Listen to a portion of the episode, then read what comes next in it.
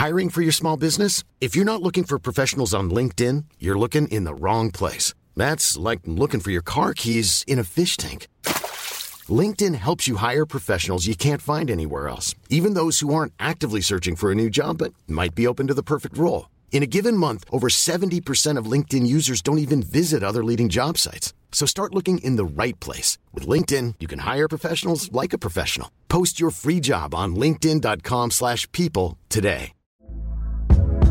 Hey there, it's Michelle Norris. I'm host of a podcast called Your Mama's Kitchen. When I travel, I'm usually looking for a way to find a taste of home when I'm not at home. And one of the things I love to do when I am at home is entertain. And Airbnb allows me to do that. When I was in California recently, I rented a house that had a great kitchen. And when we were sitting around the table, we we're all thinking, we're in someone else's house. Someone could be in all of our homes as well.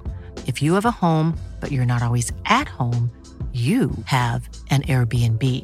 Your home might be worth more than you think. Find out how much at airbnb.com/slash host.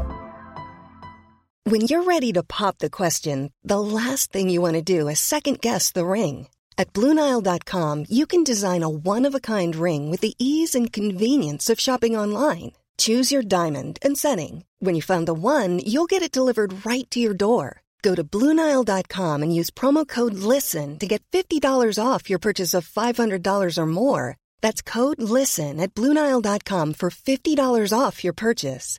Bluenile.com code LISTEN.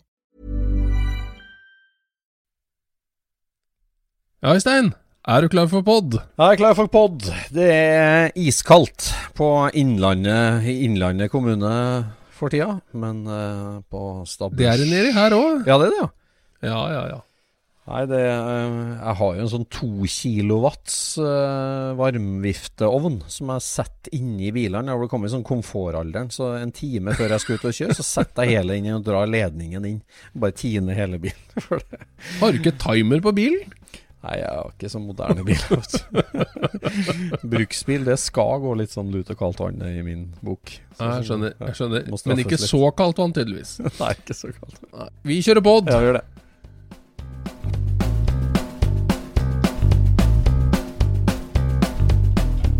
Du lytter nå til Scootspodden, en norsk podkast om klassisk bil med Jon Roar og Øystein.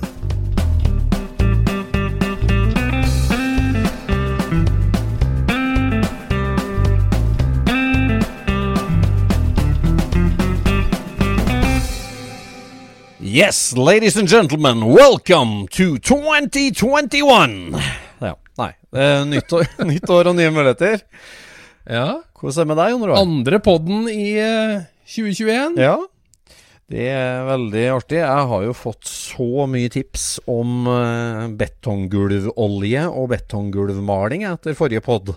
Eh, så nå har jeg tre-fire alternativ. Så jeg skal dra noen forskjellige sektorer i verkstedet faktisk for å teste ut forskjellige muligheter. Ok, så, bra. så bra. Ja, ja, nei, jeg har fått mye tips der. Det var flere som hang seg opp i det. Så um, verkstedet fikk en ordentlig rydding av jula, og nå er det rulle på videre med 46, da. Ikke sant? Men eh, Ja. jeg mista litt piffen, må jeg si, etter eh, Jeg var liksom så veldig godt i siget. Men så var det liksom både det her at eh, min superflinke vindusleverandør hadde skalert opp med 5% Da gikk jeg litt i kjelleren, og så gikk jeg enda mer i kjelleren når tysklandstreffa ble utsatt et år. Å ja, ja, ja, ja, ja, ja. Ja, for du hadde den deadlinen foran deg. Ja, ja, det var jo det. For meg så har det vært veldig sånn i hodet at eh, det er konfirmasjon til våren. Jeg må være ferdig til vinterferien med alt. Så jeg hadde veldig drag og moment, altså. Men uh, ja, slakka litt, altså. Jeg må si det. Ja. Nei, jeg har jo bare jobba med, med kontoret mitt, jeg, da. Ja. Det blir jo Og stadig det har ikke vært noe særlig bil. Nei. Men uh, blir jo litt bilrelatert på kontoret òg, da. Det er jo det. Ja, driver du med sånn dekor og modellbil og plakatshow, eller hvordan? eh, Nei, men eh, jeg driver og, og rydder i masse pappesker og sånt som har vært uh, lagra bort, da, vet du. Så da finner jeg jo ting fra før i tida. Ja. ja, hva finner du da? Nei, det er jo blader og tegninger og plakater og altså utkast til masse forskjellig, da. Ja. Så jeg fant jo originalskissa til eh, Alien-buggen. Ah, Den figuren som er på sida av eh, gasseren til Anders Lien. Ja, det er en sånn trompetfyr som sitter på en ufo, ikke sant? jo, han, han kjører en bitte liten ufo Ja. som har ordentlig rynkete sliks og forhjula i lufta, Ja, altså. og ser veldig målbevisst ut. Du hadde jo nærmest monopol på det der, du, på de uh, Gasser Graphics. Som vi ja, det var, det var en stund som det var litt sånn, ja. Ja, artig det. Det var artig tid. Jeg fant jo også originaltegninga til, eh, til eh, Maroon Baboon. Ja. Vega til Langseth. Eh, Ja. Mm. Jo Rød candy med, med ordentlig svær signwriting på sida. Det var ikke noe knuslete greier der, vet du. Det var ikke en versjon av den tegninga med en gorilla som eh, Jo, det er en gorilla som kikker ut gjennom o-ene. det er jo så mye ord, vet du. Ja, sånn, ja, stemmer. Nei, det er, det er en baboon. Det er jo ikke, en, det er ikke en gorilla. Nei. Bavian. Ja, nettopp. Bavian. Bavian, ja. Ja, okay. ja. Ja nei, det jeg husker den, eh, den vakte oppsikt, den bilen, når vi var nede på Spa i 2003, tror jeg det var. Herregud, på, 20 år um, siden. Tenk på det. På Bugshow der nede. Ja. 20 Da var det ikke så mye gassere, vet du. Nei, nei det var jo, den var jo veldig tidlig ut. Den var jo veldig Ja, var tidlig ut. Den, og, eh, og la jo lista. Det å komme og tenke på det, Otto Bross og mange av dem som har kommet etter. Det, det, det, altså vi i Norge, vi var helt, eh, helt i første linje altså, på den der europeiske Gesser-bølgen. Ja. Det var vi. Med, Nei, jeg, jeg fant jo også en, eh, en skisse på, på ferdig bil, egentlig, da, på en som skulle hete Cloak and Dagger. Cloak and Dagger, hva var det igjen nå? Eh, Ja, Den har du ikke sett. ja, Det blei ble aldri noe av den bilen. Nei, akkurat. Ja, hvem var det som var kunde der? Det var ikke den Jørn Tangen-greia? Nei. Nei. Nei, nei, nei, det var, eh, det var vel meg og Vega Langseth som skulle bygge en av eh, en bil som kjøpte av Elliot Ørnhøi. Ja, ja, ja. Det derre taksenka Taksenka? Ja, det husker jeg. Ja. ja nettopp. Det hadde jo vært skikkelig tøft, vet du, men uh, vi kjøpte jo Vi fikk ikke felger til den. American Racing i uh, magnesium. Ah. Spindle mounts. Ja, Tolleika, eller hva med? Eller? Eh, Nei, de er femmeika. Så det er jo liksom den kuleste, vet du. Den kuleste typen. Ja, det ja, Har Har jo den? helt sikkert sittet på de der, eh, den der Shytown Hustler, vet du. Ja, har du dem ennå, eller? Har du den liggende? Nei, jeg ja, solgte de til, til Folke Haug Pettersen. Gjorde du det, ja? Ja, ja. Ja, jeg fant jo ut at jeg måtte konsentrere meg om eh, fem på 130. ja. Så nytta ikke med bare én. Én bolt. Ja. Akkurat. Åh, nei, det Gasserne og Alienbug òg var jo absolutt best i første, første kloning med Spindlemanns. Ja. Mm. den, den hadde 12 eikers spindle ja, det var tolvegers, ja. Stemmer. Men der hadde du en sånn derre korka oversettelse av eh, dragracing-reglene, vet du. Aha. Jeg husker ikke, husker ikke akkurat hvordan dette her var, men det var sånn eh, Den bilen måtte liksom gå fortere enn eh, Ja, hva var det det var, da? Da skulle gå så jækla fort for å få lov å bare ha bremser bak. Var det det? Ja, nei, ja, for da måtte du ha fallskjerm, var det ikke sånn? Du, Ja, det var, det var et eller annet eh, Så, så de, hadde, de hadde liksom Vi fikk jo tak i den engelske regelboka av Richie Webb, Var det sånn? og der var det et ord. Der sto det 'or'. Men den der 'or' var bare tatt ut i den norske oversettelsen, så da var det liksom sånn at, at du, du, du måtte kjøre så fort. Nei. Så det var veldig trist, men det fant vi jo ut etter at eh, Anders hadde bygd om til, eh, til bremser, da. Ja. Men eh, nei, den var ordentlig hard med de originale hjula han var, ble lansert på, vet du. Ja, ja, ja, det var jo høyst Den må vi legge ut et bilde av. Ja, den må vi legge ut et bilde av. Den var, den var ordentlig tøff.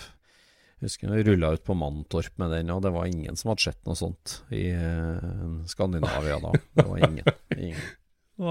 Men alle hadde lest boka til Kitsium. ja da. Nei, jeg har jo fått så mye tips om um, garasjegulvmaling etter forrige pod. Ja, Naturligvis mange som fikk med seg storoppryddinga mi og grovt betonggulv. Jeg har jo lært meg å trives med det, men eh, jeg har fått så mange gode tips om hva jeg bør behandle gulvet med, så jeg må, må prøve meg på litt sånn teststriper, tror jeg, her og der nå, for å sjekke. ja. Nei, det er artig det med sosiale medier, at vi får jo veldig mye feedback på, Ja. all, på den minste ting. liksom, Ja. Så er det liksom bare 'Det her lurte du på!' Ja. Ikke sant?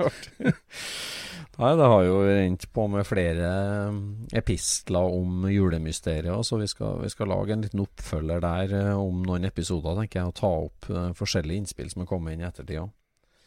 Nei, Jeg har skrudd eh, bitte litt, da, men det går tregt. Altså, lufta gikk litt ut av ballongen, må jeg si. Først da når han derre glassrutemesteren min hadde skalert opp med 5% da butta det litt. Men eh, når Tysklandssommeren ble utsatt eh, et år, da da uh, mista jeg litt momentum. Altså. Jeg skal ta meg inn igjen, jeg skal det, men, eh, men jeg har vært litt slapp i siste, jeg må si det. Ja, det, jeg ser den, at den eh, får et skudd for baugen. Da Ja. går liksom inspirasjonen litt ned. Men det er klart jeg greier å konsentrere meg litt mer om uh, mellomstemanns konfirmasjon, da. Det er jo fint. Til våren.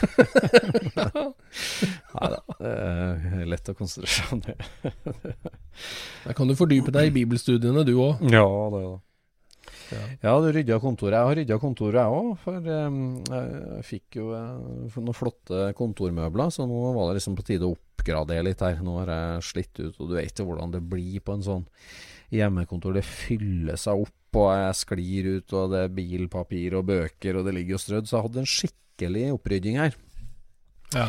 Og da eh, fant jeg en spennende lapp, altså, som jeg, som jeg hadde glemt av. Jeg helt, helt glemt av det der. der. Okay.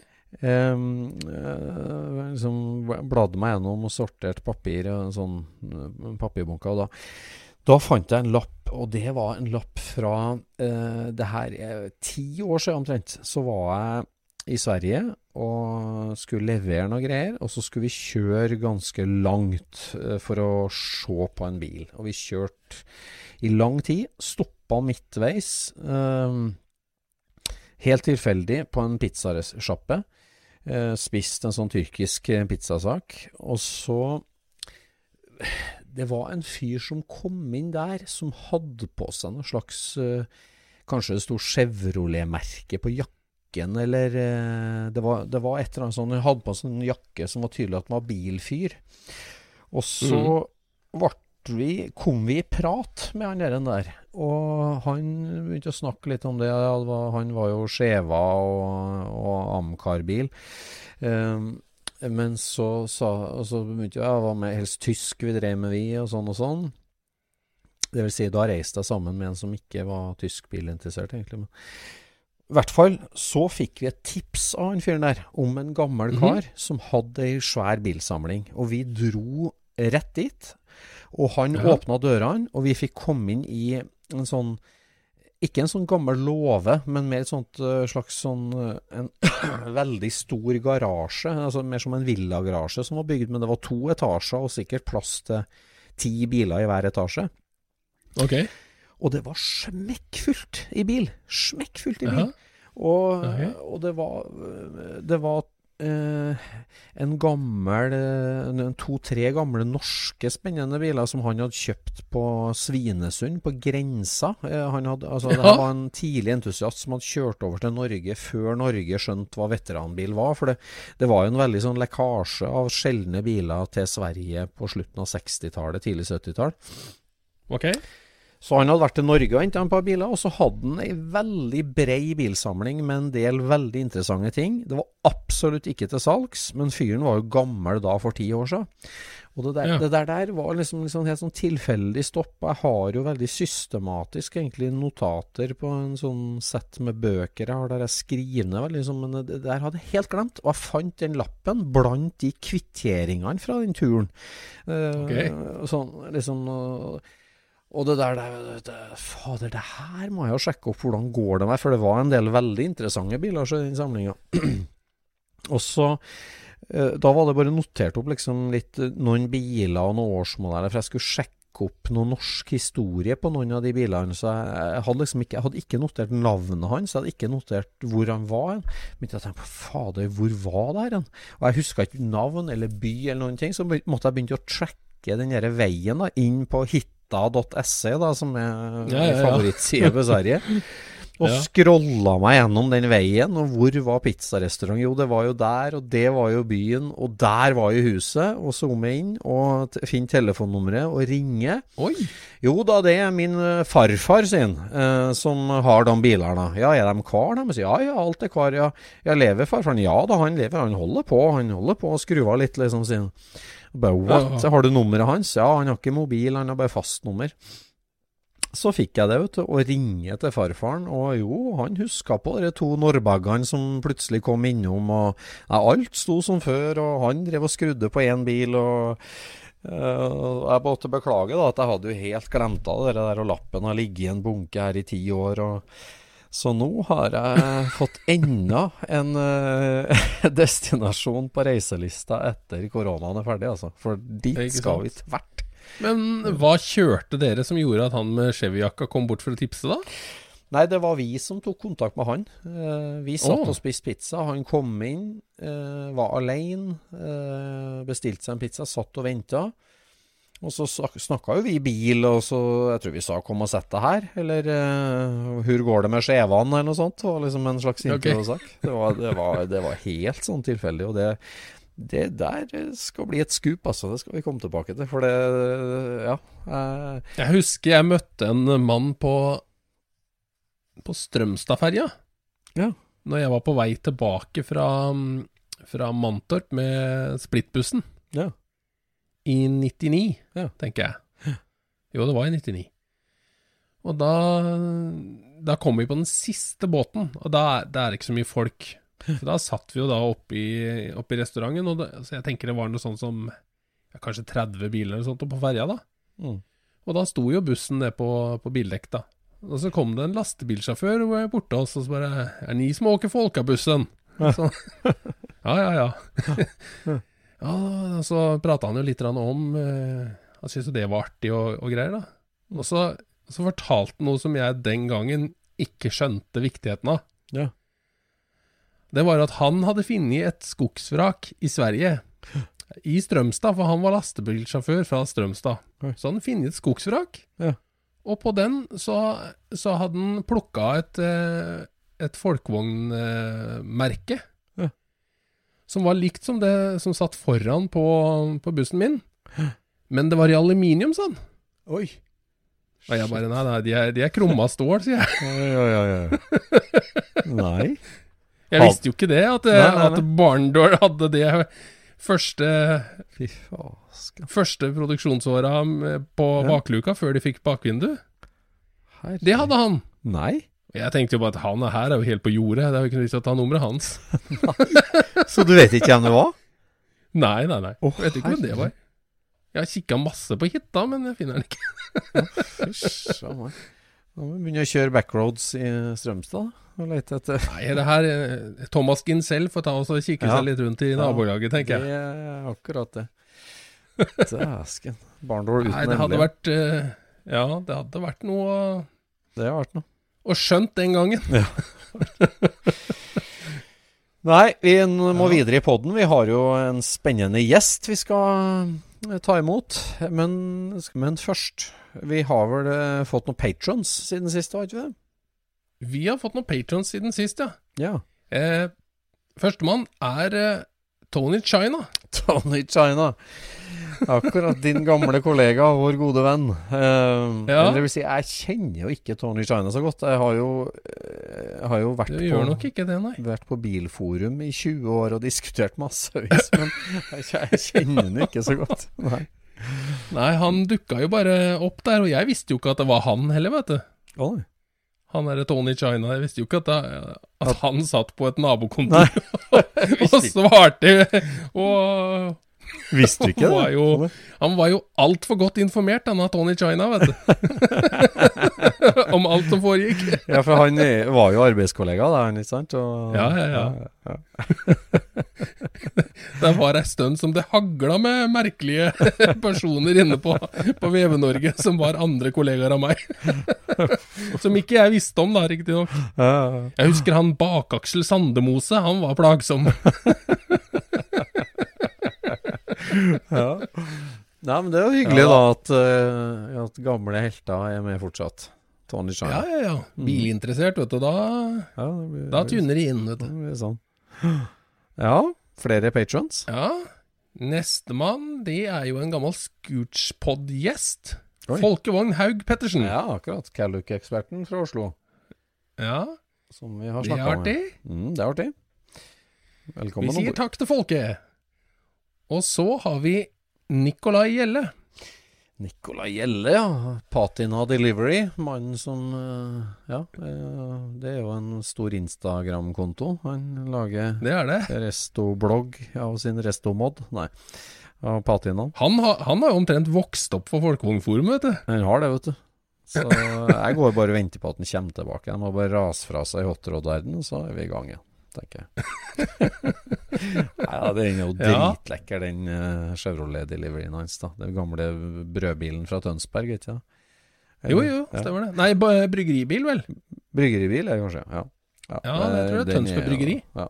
Patina Delivery, i hvert fall på, på Insta. Den er jo knalltøff. Ja, strøken under, og liksom originalslitt patina utapå. Mm. Det er en uh, fin oppskrift. Han viser jo hvor langt du går for å sikre Hvis du mangler én skjerm eh, Var, var det Oklahoma eller han fikk tak i en skjerm fra? For for, for han så gjennom masse skjermer for å finne en som matcha patinaen på tøn, Tønsbergskogrust. Tønsberg. Og den fant han i Oklahoma, tror jeg. Så, Ja, ja, ja, ja. Så bra, så bra. mm. Og sistemann, det er Johan Olsen Eikstad. Ja. Eller MP-boy. MP-boy. MP-boy, det er jo en som har vært med i Folkehånd. eh, Han har figurert mye. Ja, veldig. Han er jo flink òg. Han og faren bygger jo boble av ingenting. Ja, jo- bygger fra scratch, liksom. Ja, ja. Der er du inne på Det det. jo- Hvor mye DNA trenger du for at det skal være en bil, eller ja. Hva- Altså, jeg kommer jo alltid til å hevde at det der er eh, eh, bilen til, eh, gamle bilen til Ole Rune. ja, akkurat. Eller Rune Hansen. For det, Ja. toppen av bilen er jo derfra. Ok, ja, skjønner. Fra listen og opp, er det ikke sånn? Ja, sånn er det. Det er noe à la det. Ja, ja. Der kan du bygge eh, Du bygger ikke bilen fra bånn, men du bygger Nei. den fra topp. Fra toppen sånn? og ned, rett og slett. Ja. Ja. Nei, det er veldig bra. Nei, vi skal videre er i eh, neste fase eh, av dagens episode, for nå har vi Rett før jul så møtte vi vår gode venn Jon Grasto, og fikk han bak en mikrofon. Og Ja. det var et hyggelig besøk som vi skal kjøre nå. Absolutt. Eh, og så er det jo sånn da, at noen ganger så sliter vi litt med teknikken på, på disse liveopptakene våre. Ja. Det er, eh, vi er litt amatører på den fronten der, sånn, så vi får ha litt overseende med, med at lyden eh, ja, klipper litt av og til. Ja, det er noe med å være mikrofonvant, og vi fant jo ut det at eh, folk med skjegg har litt lengre mikrofonavstand enn folk uten skjegg. Men det gjelder jo ikke Jon. Ja. Nei. Nei. Yes, da Vi kjører gjest. vi kjører gjest.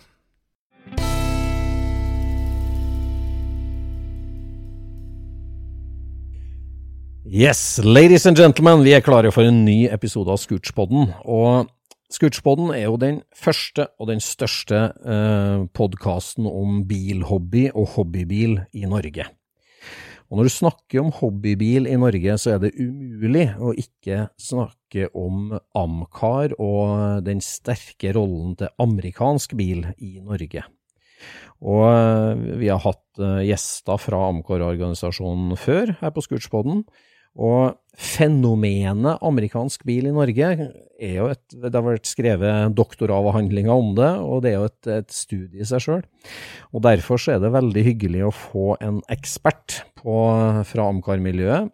Eh, Mangeårig styremedlem i Amcar-organisasjonen, og en som går, står godt planta i det miljøet. Jon Grasto. Velkommen til oss. Hei, hei, takk for invitasjonen. Veldig hyggelig. Du er østfolding, og der står amcar-kulturen sterkere enn noe sted. Eh, nå sitter vi i Østfold og tar opp denne episoden, så det er veldig hyggelig, Jon, at du eh, svinger innom. Jo, takk for det. Jeg er jo født og oppvokst i Sarpsborg, det som vi kaller eh, det sentrale delen av Ytre Østfold. Så, sentrale delen av Ytre Østfold. ja, og det har jo kanskje en av grunnene til at bilhobbyen er stor her nede, da, for du, du har jo en storby i alle retninger eh, under en halvtimes kjøring, Ja. Mm. og tettheten er stor. Ja. Det er bra med entusiasme, bra med deletilgang, Mm. bra med verksteder, nærhet til Sverige. ja. Så alt ligger jo til rette for oss å ha, ha en fungerende bilhobby her nede, da. Sånn som det er i dag, i hvert fall. Ja, og det var jo gunstig miljø for deg å vokse opp i. Jeg vet ikke hvor eh, ja, Hvor var du hen når du kjøpte din første bil, og hvor, da, hvor kom frøet fra hos deg? Nei, eh, Frøet kom vel eh, egentlig at jeg så noen morsomme biler i byen når jeg var sånn ti år gammel. Hvilket årstall snakker vi da? Da snakker vi om 1972. Jeg er jo 62-modell. Ja.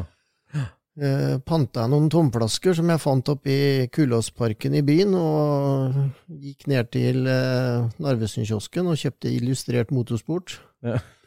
og et par år etterpå så kjøpte jeg jo Start og Speed, fordi Ja. at det var en tøff 32 Ford eh, Roadster på yttersida. Ja. Det hadde jeg jo liksom aldri sett før. Og så kom jo det ene bilbladet etter det andre. Oppover Eh, 70-tallet, ja, når du oppover- var tenåring, rett og slett. oppover 70-tallet, og selvfølgelig med hjelp av det at uh, uh, på kinoen så fikk du jo se eh, American Graffiti. Mm. Den så du jo tre ganger i løpet av ei uke, Ja. når du var 14-15 år. 15 år, vel. Mm. Og så rulla det jo på med, med film, da, påvirkning der, med Smoke and the Bandit og mm. gjengete og ja på TV. Og, og, du vet, med nærheten til Sverige så hadde vi også svensk TV, og der var jo faktisk bilprogram ja. på 70-tallet. Det fantes jo ikke i Norge. Nei.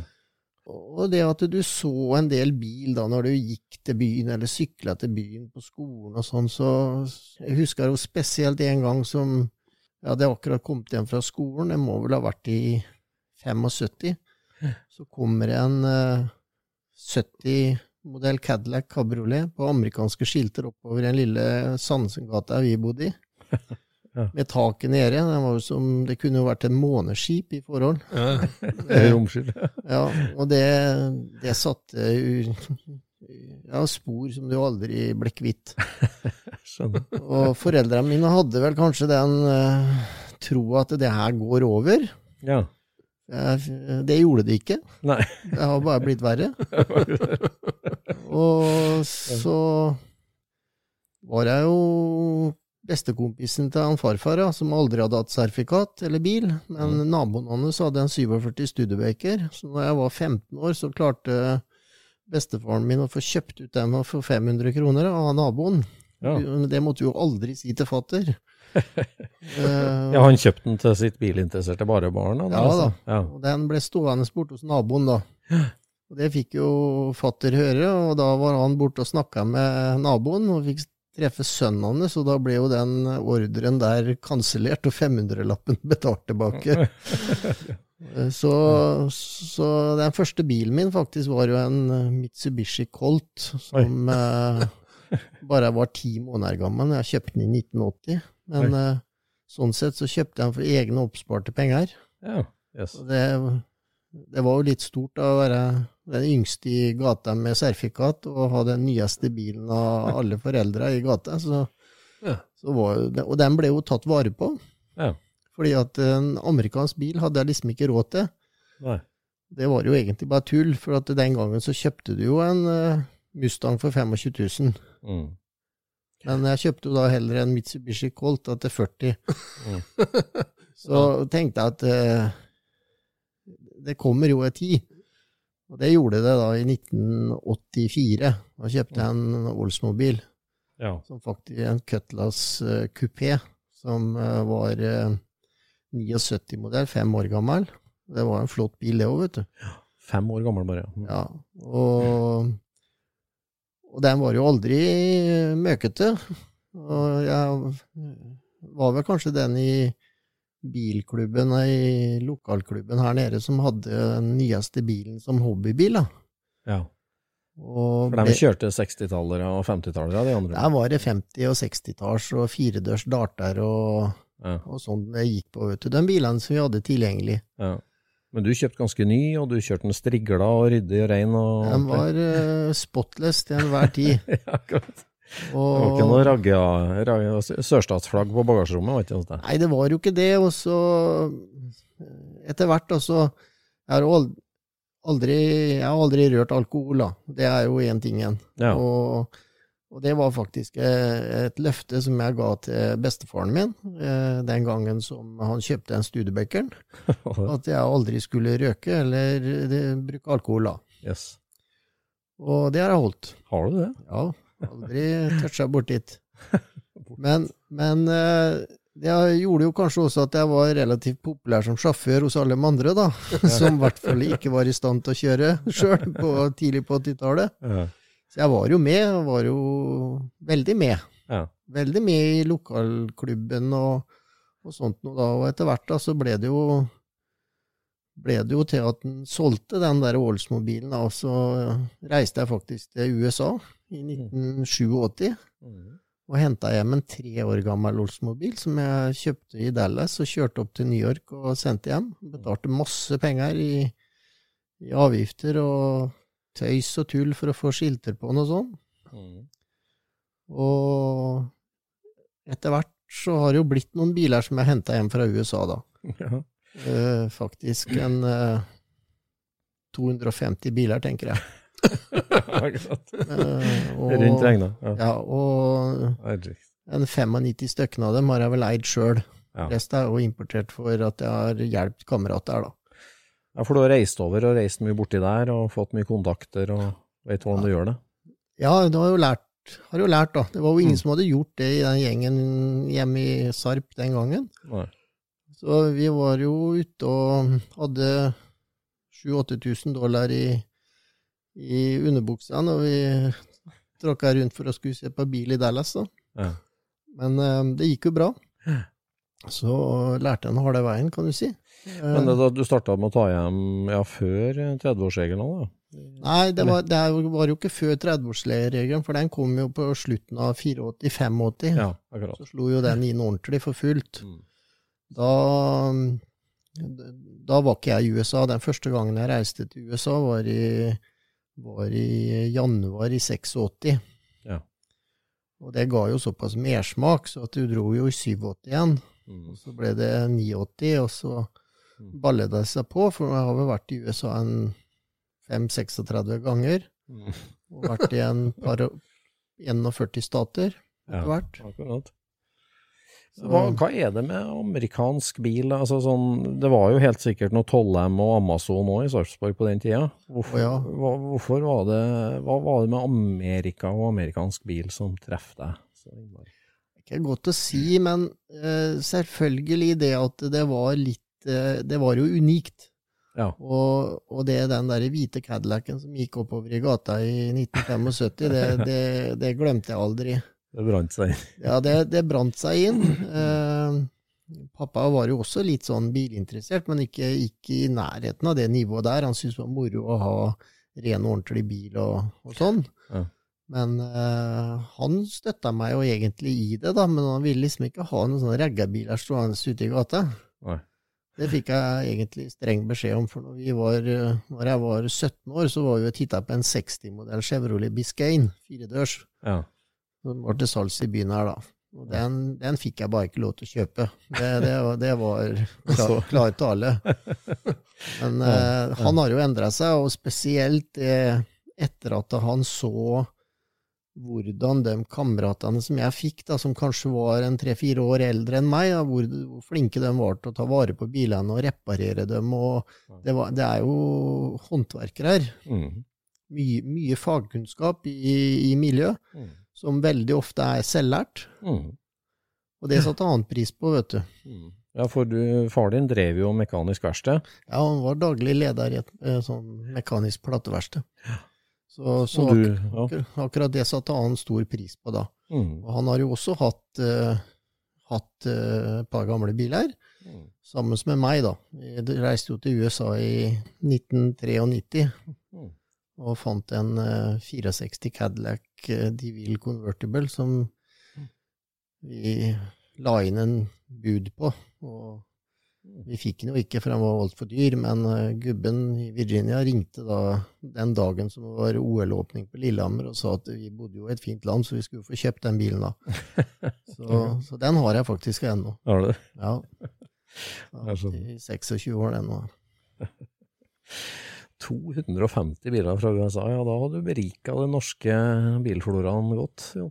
Ja, det er litt moro å gå på biltreff, da, og så ser du at dæsjen, den der har jo jeg importert. Og der er den, og Men jeg vet jo at Oldsmobil som merke da, har betydd noe spesielt for deg hele tida. Var det nærmest tilfeldig at første bilen ble Oldsmobil, eller, eller har du et veldig bevisst forhold rundt det? eh, Både og. Eh, jeg husker jeg gikk på gymnaset 1980 til 81. Det siste året naboen, eh, naboen var og hilsa på broren sin i New York. Kom hjem med en koffert full av bilbrosjyrer til meg, deriblant Oldsmobil-brosjyrer. Mhm. Og der var jo, det var jo titte da i en 81-modell Oldsmobil-brosjyre den gangen, det var jo en uoppnåelig drøm. Mm. Så da når jeg i 84 kunne få kjøpt en sånn en bil, innenfor det som var eh, rekkevidden, Ja. så var ikke det valget så veldig vanskelig. Det er rart altså hvor tilfeldig sånn kan bli. Altså, Ja, at det var akkurat Oldsmobil-brosjyra han hadde med seg. Ja. altså, det, Og da når jeg skulle oppgradere den i 87 igjen, så var jo fortsatt det derre printa det bildet i hjernen min, vet at jeg skulle ha en sånn en 98 eller Delta 88 fra den tidsperioden der. Så vi reiste jo til USA og titta på sånne, da. Vi var jo faktisk og så på en 56 Chrysler 300. Og som, som var faktisk veldig billig, og var veldig bra. Sto inne hos en eh, i bakgården på en liten Dodge-forhandler utafor Dallas. Skulle ha 5000 dollar for den. Ja. Herregud, jeg ville jo ikke gi 5000 dollar for en sånn forvokst Volvo Amazon.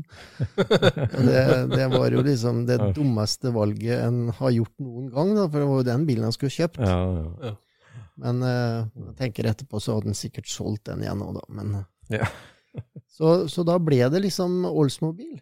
Ja. Og du leste mye om merket. Du, du lærte deg historien til merket, og fant jo dine biler som, i forskjellige årgangene som du syntes var fine. da. Mm. Så etter hvert så ble det jo flere og flere og flere. Mm. Og tok hjem, og noen beholdt du, og noen solgte du. Og så akkurat i dag så har jeg seks stykken. Oldsmobil, eller? Ja, Ja. seks Oldsmobiler og to Chevrolet Corvette. ja. En, eh, to Cadillacer og en Lincoln. Ja, så har du ei boble òg, ikke sant? Så er det boble. Ja, det er bra. 1960-modell. Ja, hvordan går det med den, da? Ja, den eh, lever sitt stille liv i 23 varmegrader i garasjen, og er fortsatt ikke satt sammen etter 27 års restaurering. Det er et håp, da. Ja, ja. Nei, altså, den eh, har jo vært bortom eh, ganske mye forskjellig amerikansk bil, da. Jeg er jo heldigvis eh, så å si altetende når det gjelder eh, bilhobby. Det bør ikke være amerikansk for at det er morsomt. Det kan like godt være jernbane, det kan også være fly. ja. Og båt. Gamle trebåter er jo morsomt. ja. Men eh, jeg har ikke ennå hatt den helt store sansen for motorsykkel.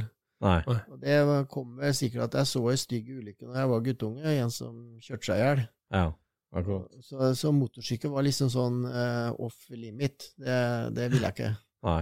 Men uh, det å ha en gammel boble, eller en, ha en Rolls-Royce, eller en Austin Healey, det, det hadde vært helt innafor. Ja. Jeg tror det at hvis det ikke hadde vært amerikansk bil, så hadde det nok vært engelsk bil. Oh, ja. Ja. Eh, mye på grunn av formspråk og Ja. og, og den bredden på bilmodeller som de har hatt opp gjennom åra. Men, men hva Altså, amerikansk bil, men hva er det med bilhobby, bil og bilhobby som, som tiltaler deg mest? Er det det å kjøre, eller å skru, eller å finne og samle på? Altså, Hvilken dimensjon setter du mest pris på? Jeg setter ikke pris på å skru, Nei. selv om, selv om jeg skrur. ja. Jeg er, eh, har lært mye sjøl, ja. og jeg liker å holde på. Ja. Du har verksted, og du holder ja, på. har verksted og løftebok. og Men liksom når du bytter imot, Ja. at, du ikke, at du skjønner at det her får du ikke til, Ja. da er det ikke noe moro. Nei. Men da slår jo det inn det andre som jeg setter så veldig stor pris på i hobbyen, da. Ja. Det er jo at folk er veldig flinke til å hjelpe hverandre. Ja. Veldig stor kameratskap. Og selv om det kanskje tidlig på 80-tallet var at eh, du, du snakka jo ikke med Ford-folk hvis du kjøpte Chevrolet, så er det jo i hvert fall ikke der nå. Og alle er veldig flinke til å hjelpe hverandre, og om du er direktør eller, eh, eller står og ute på søppelfyllinga og sorterer eh, Mm. avfall, det spiller ingen rolle. Nei. I den hobbyen vår så er alle like. Mm. Mm. Mm. Og, og, det, og det er vel kanskje noe av det jeg setter mest pris på. Mm. Samholdet. Samholdet i hobbyen. Kameratskapet. Og det er jo klart at når du har de samme kompisene gjennom 40 år, Ja. så, så er det ekstremt verdifullt. Så de gutta som kjørte dart, og som du var festsjåfør til, kan du si, på ja, tidlig 80-tall, det, er det samme gjengen fortsatt som henger sammen mye? Ja, basisgjengen er der. Ja. Og det kommer alltid inn nye, og jeg syns miljøet er veldig flinke nå til å, å ta vare på den, eh, de nye som kommer til. For det er vi nødt til å ha, Ja. enten de er da i voksen alder, eller om det er ungdom. Det er helt klart. Ja, for det, det er klart da hopper vi litt i tid her, men uh, som styremedlem i Amcar og en organisasjon som har forvandla seg totalt, så, så sitter du jo og føler det veldig på pulsen, det her med nyankomne i hobbyen, innmelding av nye klubber, nye medlemmer. Uh, sånn kort sagt, hvordan står det til der? I Amcar Norge, ja. Nei, eh, vi for en god del år siden så begynte vi å snakke litt om eh, å åpne opp for ikke-amerikanske bilklubber eh, for tilslutning i Amcar-organisasjonen, da. Mm. Og det, det var jeg veldig for. Men vi visste liksom ikke helt hvem retning vi skulle gå. Det tok veldig lang tid, egentlig, før vi fikk meisla ut åssen vi skulle angripe det her, da. For vi så det at uh, Amcar-medlemmene våre, de omgås med folk som ikke kjører Amcar. Uh, Amcar-medlemmene våre kjøper eh, europeisk bil eller japansk motorsykkel. Mm. Eh, vil gjerne ha dem forsikra, eh, vil gjerne ha hjelp med både en og andre der òg. Mm. Så, og, og så, så er det jo ikke det er jo ikke meisla ut i stein at den yngre generasjonen som kommer etter oss, skal like amerikansk bil. Nei. Eh, og mye av det som var spesielt med amerikansk bil, er jo blitt meisla ut gjennom eh, spesielt kanskje slutten av 80- og førsten av 90-tallet, så er veldig mye av særpreget vekk. Mm. I hvert fall på, på bredden av, bilfloraen. Mm. Eh, så, og alle kan ikke kjøre Corvette eller Mustang. Mm. Og, og da, da så i hvert fall jeg syns det var veldig viktig at vi, vi strakk ut en arm til de ikke-amerikanske bilklubbene. Og det har jo vært en suksess. Mm. Mm. Vi har jo de siste fire åra nå vokst eh, 3000 medlemmer. Mm. Og Amcar teller i dag over 22 000 medlemmer og har jo 140 tilslutta klubber. Ja. Og, og det er blitt en Ja, det, er- det er blitt ikke Jeg vil ikke si maktorganisasjon, for det, det blir feil, men det har blitt en organisasjon med en tyngde Mm. overfor myndigheter, overfor eh, andre offentlige etater, at uh, vi står for noe. Vi står for seriøsitet. Vi står for, uh, for uh, ren entusiasme. Mm. Og, det, og vi står for høy fagkunnskap innenfor det feltet som interessene våre er. Mm. Og det har faktisk Vegdirektoratet begynt de senere åra å sette veldig stor pris på. Mm. Og det er jo derfor vi har også fått gjennom så, så, sånne ting som selvbyggerregelverk og, Og, og det at du får lov til å kjøre med amerikansk størrelsesskilt og amerikanske lys og alt sånn, for at når bunn og grunn kommer til stykket, så har myndighetene skjønt det, at eh, de særstrenge kravene vi har hatt i Norge, de har vært urimelige. Mm. For det er ikke noe et amerikansk liv i, i en bil i Amerika er ikke noe mindre verdt enn et eh, norsk liv kjørende rundt i en gammel Volvo, for eksempel. Mm. Så hvis en bil kan brukes på veien offentlig i Amerika, så skal den kunne kjøres med på offentlig norsk vei uten noen problemer. Mm. Og, det, og dit hen har vi jo kommet, og det hadde jo ikke gått hadde ikke hatt en seriøs organisasjon som Amcar, som faktisk jobber for bilisten Nei. og bilhobbyen. Mm. Vi er jo 15 heltidsansatte i Trondheim, Mm. så det vi, vi, vi klarer å utrette litt. Og det har vært eh, Nå har jeg sittet som styremedlem der nå i straks 25 år. Mm. Eh, 17 av dem åra som visepresident. Så jeg har jo vært med på den, den reisa Mm. eh, hvor eh, vi virkelig har hø- høsta eh, gode nyheter, eller gode privilegier, privilegier fra, fra det arbeidet som har vært gjort i mange år. Mm. Og det har vært moro. Jeg tenker på det tilveksten med, med Maserati-klubb og BMW-klubb og mange som tilslutter seg nå. Det, altså, ja, det blir mer på kjøttvekta, det, det blir mange medlemmer, mer kontingentinntekt og forskjellig sånt, men er det noe Amcar kan lære av de her klubbene? nå? Kommer det noen nye ressurser, nye moment inn, på en måte, som, eh, Ja, som er med å utvikle organisasjonen? Jeg vil nok si det at vi har vel kanskje ikke sett det så voldsomt ennå, men det kommer nå snikende framover. Mm. Eh, Det er jo først nå de siste to åra som vi virkelig har høsta inn eh, ikke-amerikanske bilklubber. Mm. Og nå skal vi ha en ny generalforsamling og et valg nå i april i 2021. Mm. Og da vil vi nok se det første steget på, på litt større retningsendringer, da, tenker jeg. Mm. Uten å avsløre for mye. Det skal bli veldig spennende det, altså, å se hvordan eh, liksom, at man greier å dra synergier i hele den bredden i miljøet med å, med å ja, samle seg sammen. Det, det er jo en utrolig viktig jobb som dere har gjort i Amcar med å bringe hobbyen dit vi er i dag. Det er helt sikkert. Ja, det er eh, Det har vært nybrottsarbeid, Mm. og det har vært eh, Det har vært eh, et arbeid hvor du absolutt ikke må gi deg.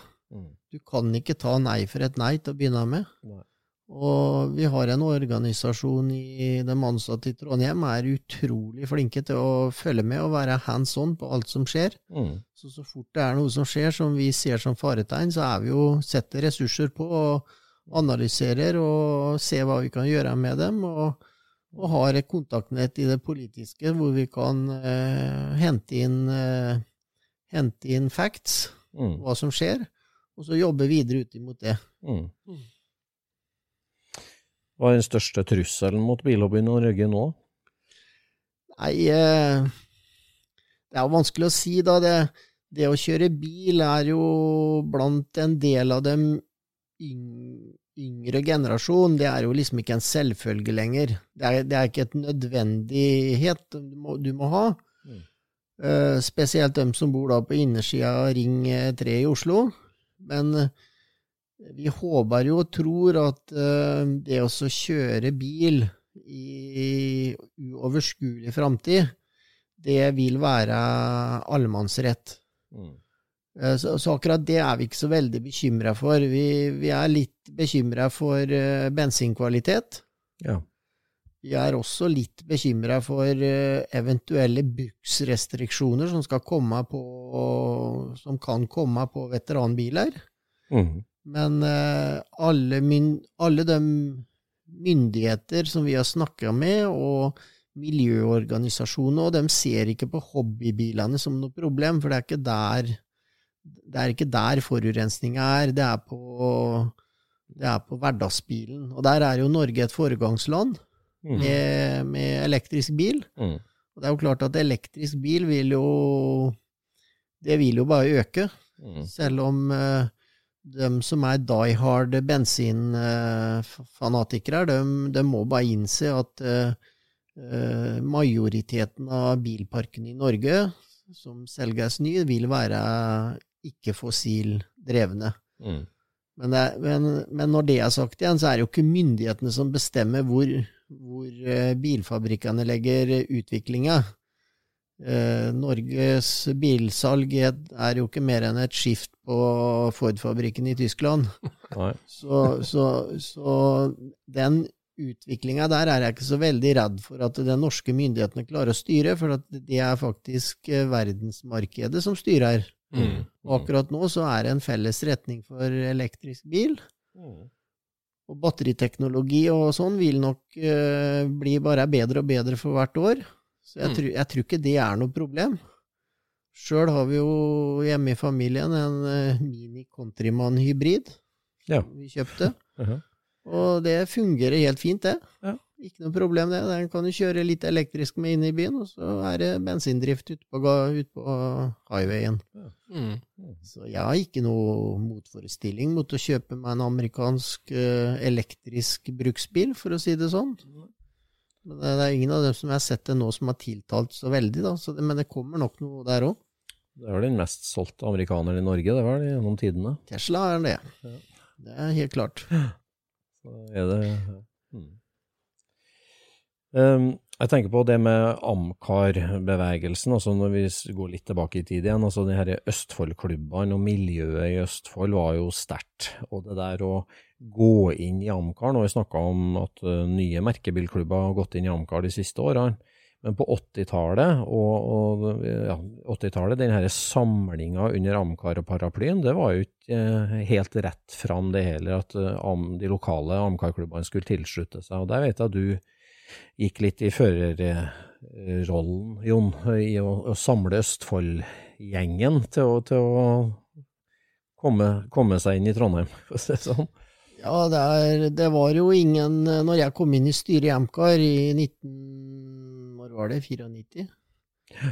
Eh, 96? 94? Så var det jo, var det jo ingen eh, av lokalklubbene her nede som var tilsluttet Amcar.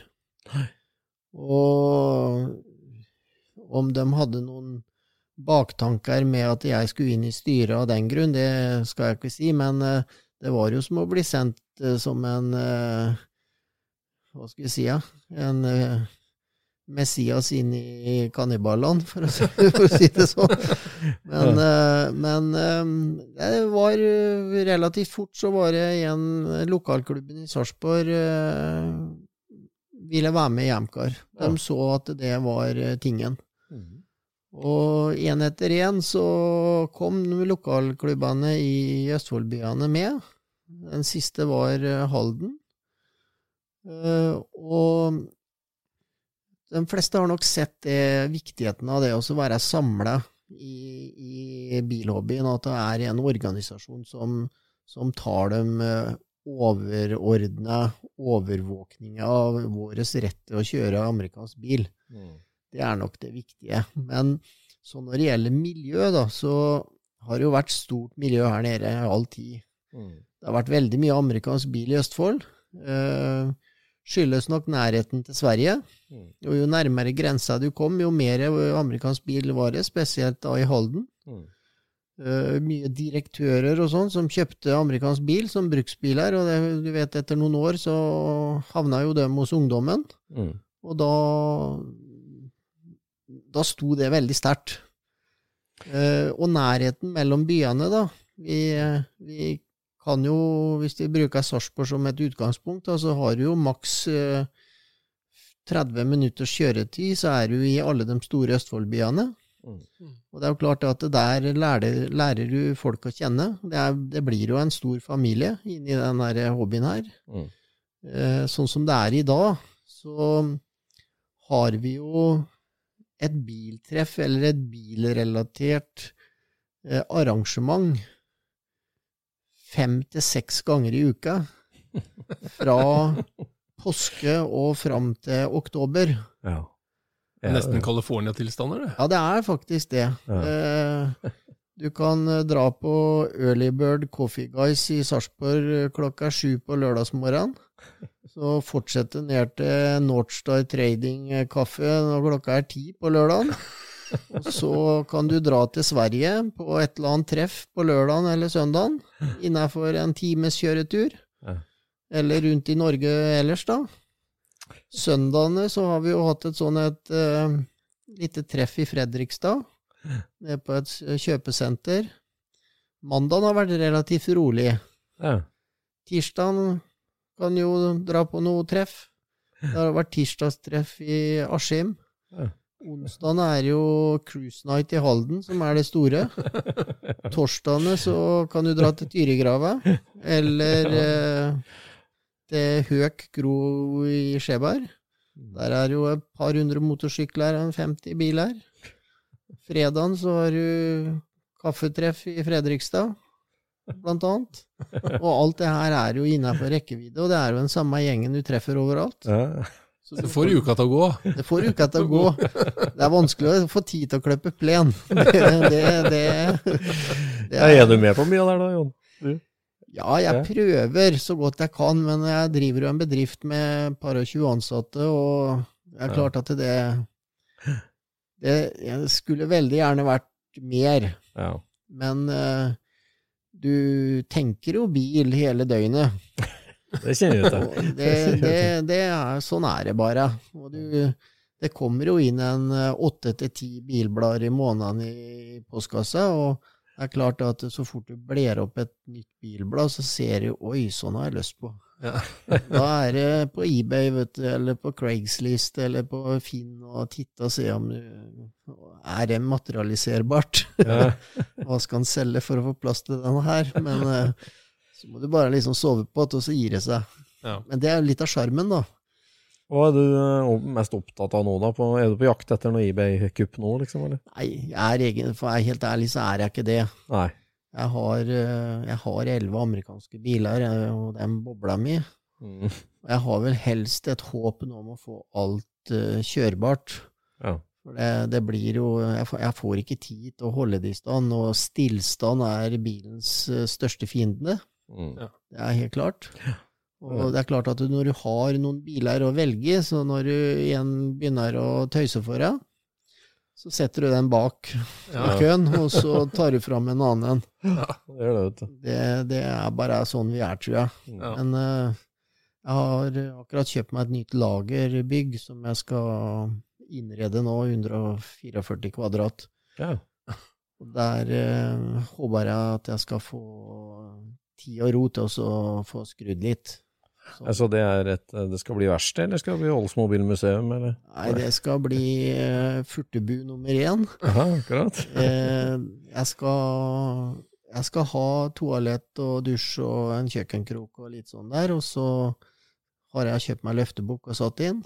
Mm. Jeg skal ha et uh, delelager der oppe, og jeg skal lagre en eh, ja, seks til åtte biler der. Ja. Spesielt på vinteren, da. Men eh, det skal være sånn at jeg kan skru på bilen, og så kan jeg gå fra bilen eh, på bukken uten å måtte pakke vekk all verktøy og alt sånt som jeg har holdt på med tidligere når jeg har reparert biler oppe på jobben min. Ja.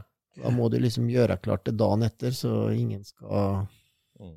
ja, det er luksus, det. Å kunne gå fra lufteboken med demontert bil. Ja, det er det også, og da, da håper jeg liksom jeg skal få litt bedre hverdag. Nå har jeg jo bygd på garasjen hjemme i privatbolig nå, så jeg har jo 100 kvadratmeter oppvarma garasje der. Jeg skjønner. Så det, jeg, det står ikke på plassen nå, heldigvis.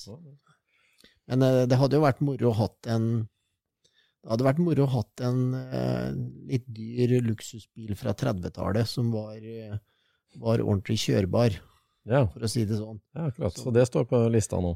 Ja, ja, men ikke det står på lista, så er i hvert fall det noe jeg kunne tenkt meg.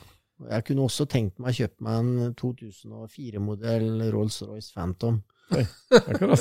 Så, så, det, så det, Hele spennet, med andre ord. Ja, det spriker litt, da. Ja. Det er klart, det. Ja. Og det er jo litt av sjarmen òg, da. Mm. Du skal ikke sette deg fast meg i en bås. Nei. det skal du ikke. Men de, de 250 bilene som du tok inn, er det, er det nyere amerikanske biler, eller er det hele spennet der? Nei, det er hele spennet. Jeg Ja. har hjulpet folk å ta hjem eh, biler fra 30-tallet. Ja. Eh, 40-tallsbiler, en del 50-tall. Ja. Eh, Mye, mye 60-tallsbiler. Ja. Og opp til helt nye biler. Jeg har tatt hjem noen fabrikksnye biler òg gjennom tida. Ja. Så Og de, de selger du da til, til kompiser, eller eh, selger Nei, de på Finn, eller hva gjør du? Nei, jeg selger dem ikke. Det er, det er, ikke, det er, det er ikke jeg som jeg, jeg hjelper folk. Ja, du hjelper dem, ja. Hvis det, du for eksempel kommer til meg og sier at du har lyst på en sånn en bil, og så kan jeg hjelpe deg å finne en i USA, Ja. og så kan jeg se om det her er innenfor det som er lurt for deg. Ja. Og så kan jeg hjelpe deg med det organisatoriske og ta hjem den bilen. Om den bilen da kommer i mitt navn, eller om han kommer hjem hit i ditt. Ja. Det er litt sånn tilfeldig, men som regel nå det siste ti-tolv året så har de bilene måttet komme hjem i navnet til han som skal ha dem, ja. for å si det sånn. For jeg skal ikke, jeg skal ikke drive det her som butikk. Nei, nei, nei. Ok. Men når jeg kjøper meg en bil sjøl, så kjøper jeg vel aldri en bil som jeg ikke kunne tenke meg å eie selv, selv, nei. selv hvis jeg ikke skulle selge den, da. Nei. Så Hvordan ser markedet ut i USA nå? da? Altså sånn, det har jo vært mye snakk om det at det har vært dårlige biler og dårlige restaureringer og dyrt og billig og forskjellig. Hvordan er det nå å kjøpe bil i Amerika? Nei, det er jo dyrt. Dollaren er jo hinsides all fornuft, som vi syns, da. Ja. Eh, dessuten så er det jo god kjøpekraft i Amerika. Mm. Eh, de bilene som vi har frøs frøst oss fast i, syns er fine. Mm. Mm. De har blitt dyrere i USA enn hva de omsettes for her hjemme, så det er ikke noe butikk lenger, og så ta dem hjem. Nei. Eh, vi ser jo at det er biler som forsvinner fra Norge, som blir eksportert. Mm. Både til Tyskland, Sverige og tilbake til USA. Mm. Eh, ikke i stor grad ennå, heldigvis, men eh, vi ser det jo. Mm. Mm. Eh, Så har vi jo det faktumet at vi nordmenn er jo noen gjerrigknarker, selv om vi har god råd. Mm. Så vi klarer å finne interesse i litt sære biler, som kanskje ikke er så dyre i USA ennå. Og dem er vi flinke til å snappe tak i, vet du. Eh, akkurat nå så er det jo sivile politibiler. Har blitt litt sånn hot her nede i Østfold, i hvert fall. okay. Så det å ta hjem sånne umerka FBI Ford Crown Victoria fra slutten av 90-tallet, Ja. Og ha som bruksbil her hjemme, de er jo avgiftsfrie nå. Ja. Stålfelger og dogdish. Ja, så, og, og en kjempe kjørekomfort og supersikker bil Ja. Med en 4,6 liters uh, bensin V8-er som d- er ordentlig racerbil, men går på 08-09 på mila. Ja. Ja. Det er jo fine bruksbiler. Og sånne er jo ikke så mye de koster, Det er jo ikke populært i USA. Nei. Nei. Det eneste som er populært det er der, er eh, private taxieiere som kjøper sånne utrangerte sånne politibiler. Ja.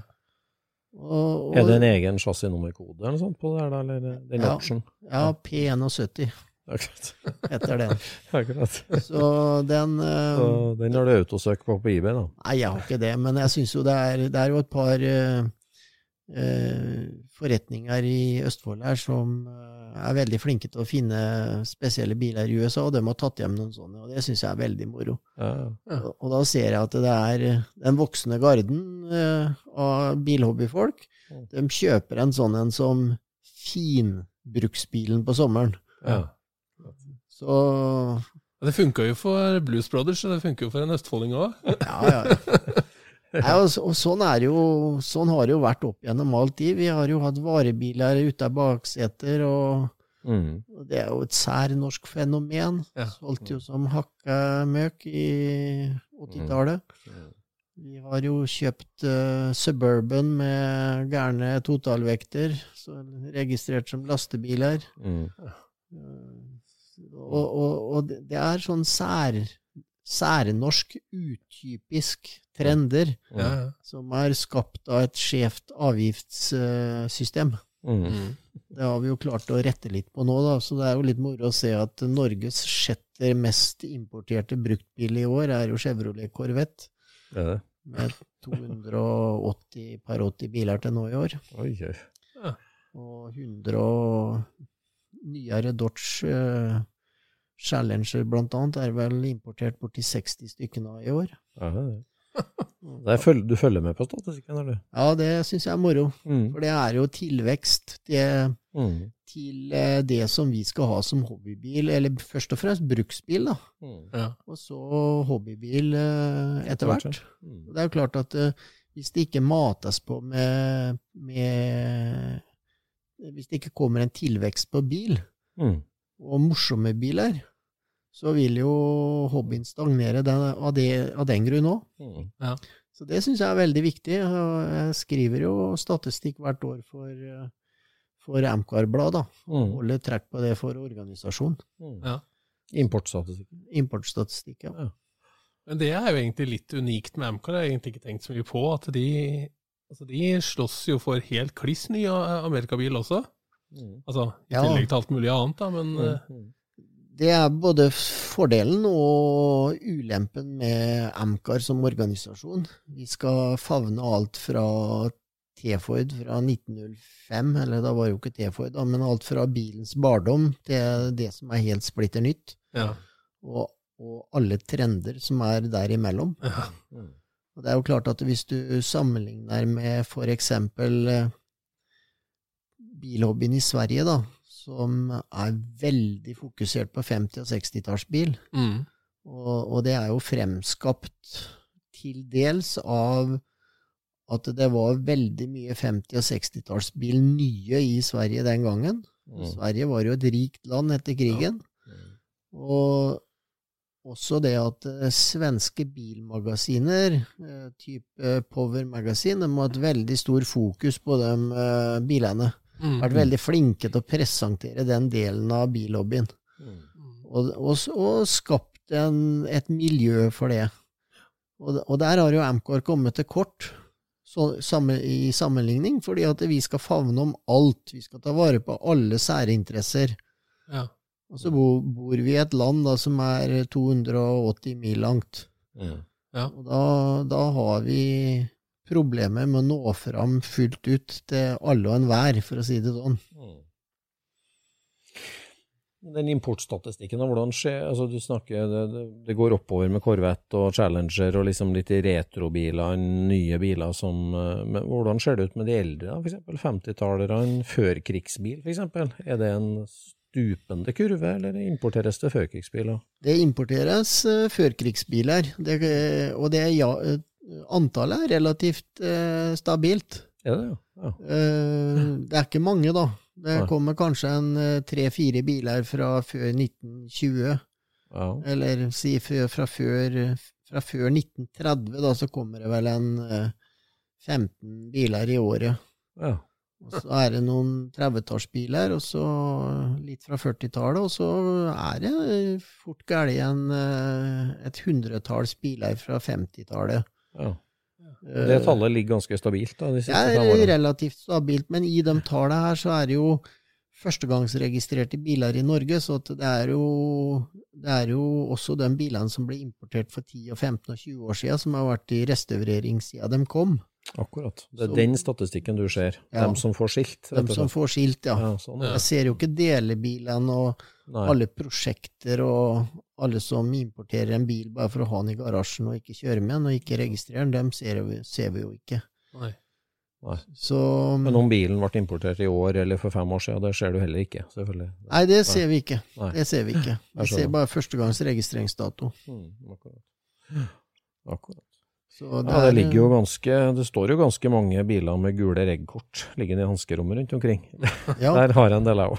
ja, og, det, og det er jo også et problem eh, eh, blitt, da, fordi at myndighetene har jo stramma inn på kravet til dokumentasjon. Mm. Så hvis du i dag sitter med en bil som eh, er importert etter den datoen hvor de begynte å skru på den skruen, Mm. eh, 2007 2007, ok. Ja. 13 år siden. Ja. Ja. Mm. Eh, hvis du da sitter med en sånn en bil som er tollkort på, men du mangler den originale vognkortet fra utlandet, Mm. så har du faktisk et problem med å få registrert bilen. Da, Da er- eh, da durer jeg mot en svart vegg her, for nå skal jeg til å prøveregistrere en som kom i Den tok jeg vel hjem i 17, kanskje? Eller nei, nei eh, 2007, kanskje?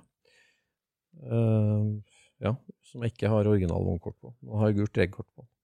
Ja, de, de krever faktisk et originalt vognkort. Ja, ja. Og de, eh, de eh, gir deg problemer hvis du har en kopi av et originalt vognkort. Ja.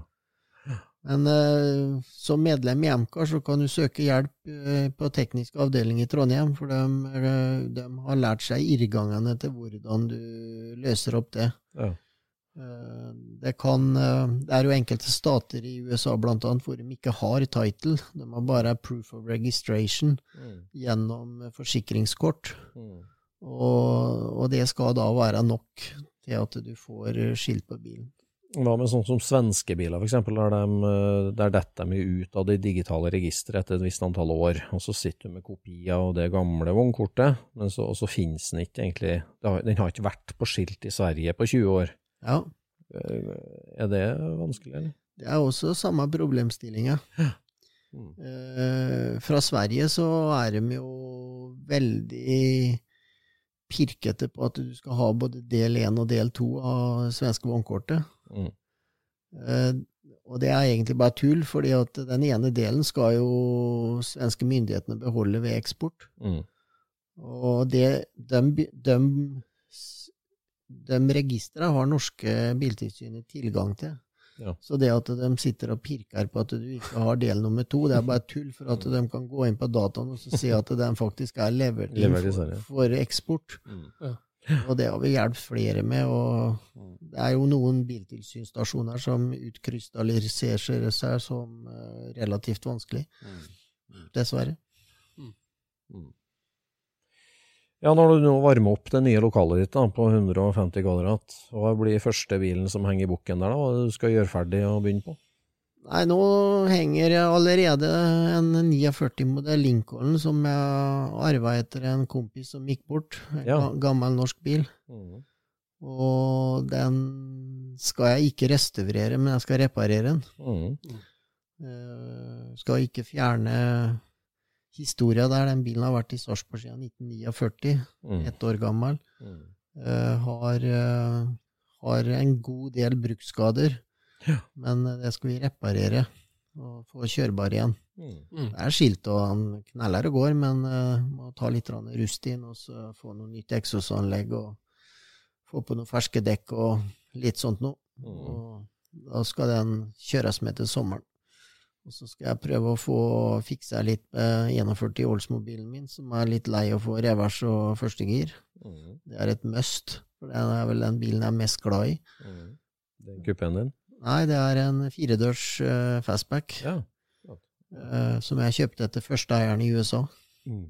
Mm. Uh, veldig, har historie på den helt fra da én, og uh, den, den bilen betyr mye for meg. Mm. Så den, den må jeg få i gang. Nå har den vært tøys med girkassa på den i et par år, så må jeg se får den med. Har du noe triks for å finne bil i USA, da? Eh, Ja, det du Det er jo mange veier å gå. Eh, Det spørs hvor sær den bilen du skal ha tak i er, men eh, det er å følge med på eBay, Craigslist, eh, se på Hemmings Classic Car Trader og Det er ikke noe stat som er bedre enn en annen, eksempel. Nei, det var jo gjerne det før, da, men det er jo enkelte stater som ikke er bilstater i hele tatt, okay. for å si det sånn. Men uh, California, selvfølgelig, er jo California og Arizona er jo stater som du må, må søke i. Ja. Florida er jo mye bilmiljø, mye penger blant pensjonistene som har mye bil. Ja. Eh, De fleste av bilene som vi har lyst på, de er jo gjerne restaurert i dag. Ja. Så de er, er som regel bra, Mm. men det er jo veldig mye dårlig restaurering der borte. Ja. Ja. Eh, Så, så det, det er veldig vanskelig å, å si noe. Nordvestre hjørne, eh, Portland, Oregon, Seattle, Mm. Der er det faktisk mye bil. Mm. Der er ikke så veldig mye skandinaver som har vært ennå. Eh, Texas var en sånn stat i sin tid. Texas uh, har vært fint, vet du, fordi at det er tørt. Mm. Og spesielt uh, Jeg har jo vært veldig mye i Dallas, for jeg har uh, en sånn nær venner, venner av familien der nede som jeg har bodd hos mange ganger. Mm. Henta masse biler i Texas. Og der var ikke bilhobbyen så veldig stor, Mm. men det var mye bil der. Mm. Og et svært land, vet du. Mye penger og olje og Mye penger, mye olje, mye Mm. industri. Uh, så, så, der, så der har du funnet mye fine biler, vet du. Mm. Det har vært veldig lite Chrysler der, da, fordi at uh, Chrysler hadde aldri noe sammensetningsfabrikk der, så det var ikke noe lokal eh, patriotisme. Nei. Så det, var, det har vært veldig mye GM da, i Texas. Ja, ok. Det kommer, kommer jo at GM har hatt sammensetningsfabrikk i Arlington Ja. i all tid. Så, og, og pickup er jo stort, vet du. Ja. det er jo klart. Skal du ha deg en pickup, så er det kjekt å lete i Texas. Ja, ja. Med gunrack på. Ja. Longhorn da Jeg merka meg på prioriteringslista di, så bobla er ikke, det er ikke topp fem engang, eller? Jo. Jo, ja. Ja. Nei, bobla er kjær. Men eh, kjøpte jeg for 1500 kroner i 1993, vel. I Du- pose her, men eh, den er, den er i samme Nå er vel eh, rett og slett bare en forgasser som skal til, så er det å starte chassis, så få satt karosseri på, så alt av deler er kjøpt inn. Så, For jeg vet du har jo handla en del i USA til den, ikke sant? Ja, kjøpt. Ja. Jeg har kjøpt med litt eh, hist og pist. Mm. Det har jeg gjort. Spesielt å begynne med. Og kjøpte hjem litt fra England. Og, men nå den siste tiden så har jeg brukt eh, hotshop i, i, eh, Trøgstad. i Trøgstad, ja. Og så fins det jo en kjent folkevognkar oppe på Vormsund som vi har henta litt fra. sånn, er? Ja, sånn er det, vet du. Nei, det var veldig hyggelig, Jon. Um, Amcar står sterkt, og står jo nå da på enda flere bein i hobbyen med å ha spredt sine vinger på alt sammen. Så vi, vi som vanlige bilentusiaster er veldig takknemlige for den jobben du og dine kollegaer har gjort gjennom mange tiår. Absolutt. Sier takk for det. Mm. Det har vært en fin reise. Det har vært det. Det har det vært, altså. Eh, Den, den forvandlingen dere har starta på å stå midt inne nå, er jo veldig spennende. Så eh, det må jeg si. Og vi får slå et slag for Refuel òg, det tverrfaglige eh, hva skal si, medieprosjektet til Amcar. Som eh, Ja, det var jo starta som et eh, tilbud til den ikke-amerikanske Ja. delen av medlemsmassen. mm, Og det er klart at det er et satsingsområde for oss, og jeg syns vi har skapt veldig mye artig der. mm, Og mer kommer, uten at jeg vil avsløre det her nå. Så vi har eh, massive planer for den, eh, den seksjonen der. mm. Mm. Kjempekult. Så, så der, det, det skal bli noe vi, vi, skal leve med, og jeg vil oppfordre medlemmene som ikke faktisk har vært inne og titta på de Refuel-filmene og det som ligger der, at det må dere faktisk gjøre. For eh, du skal være veldig sær hvis du ikke finner noe du ikke liker der. Det er en fin oppfordring å avslutte med. Mm. Vi er ved veis ende ved dagens Amcar-pod Ja, det er vi. i tjukkeste Østfold. Tusen takk for besøket, Jon Grasto, og lykke til i nytt verksted. Takk for det. Og takk for i kveld. Ha det bra. Scootchpoden produseres av SSC Media, med god hjelp av VV Norge og Trond Dahl for hosting, Knut Micaelsen for musikk. Abonner på Scootchpod via podcaster eller Acast, og følg Scootchpod på Instagram og se det vi snakker om. Der kan du også komme med kommentarer og innspill, og fortelle oss hva du vil høre om.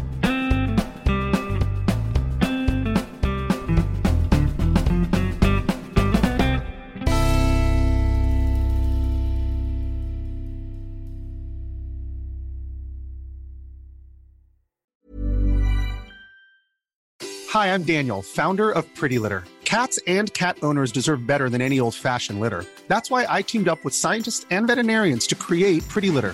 Its innovative crystal formula has superior odor control and weighs up to 80% less than clay litter. Pretty Litter even monitors health by changing colors to help detect early signs of potential illness. It's the world's smartest kitty litter. Go to prettylitter.com and use code ACAST for 20% off your first order and a free cat toy. Terms and conditions apply. See site for details. Hey, it's Paige DeSorbo from Giggly Squad. High quality fashion without the price tag? Say hello to Quince. I'm snagging high end essentials like cozy cashmere sweaters, sleek leather jackets, fine jewelry, and so much more. With Quince being 50 to 80% less than similar brands.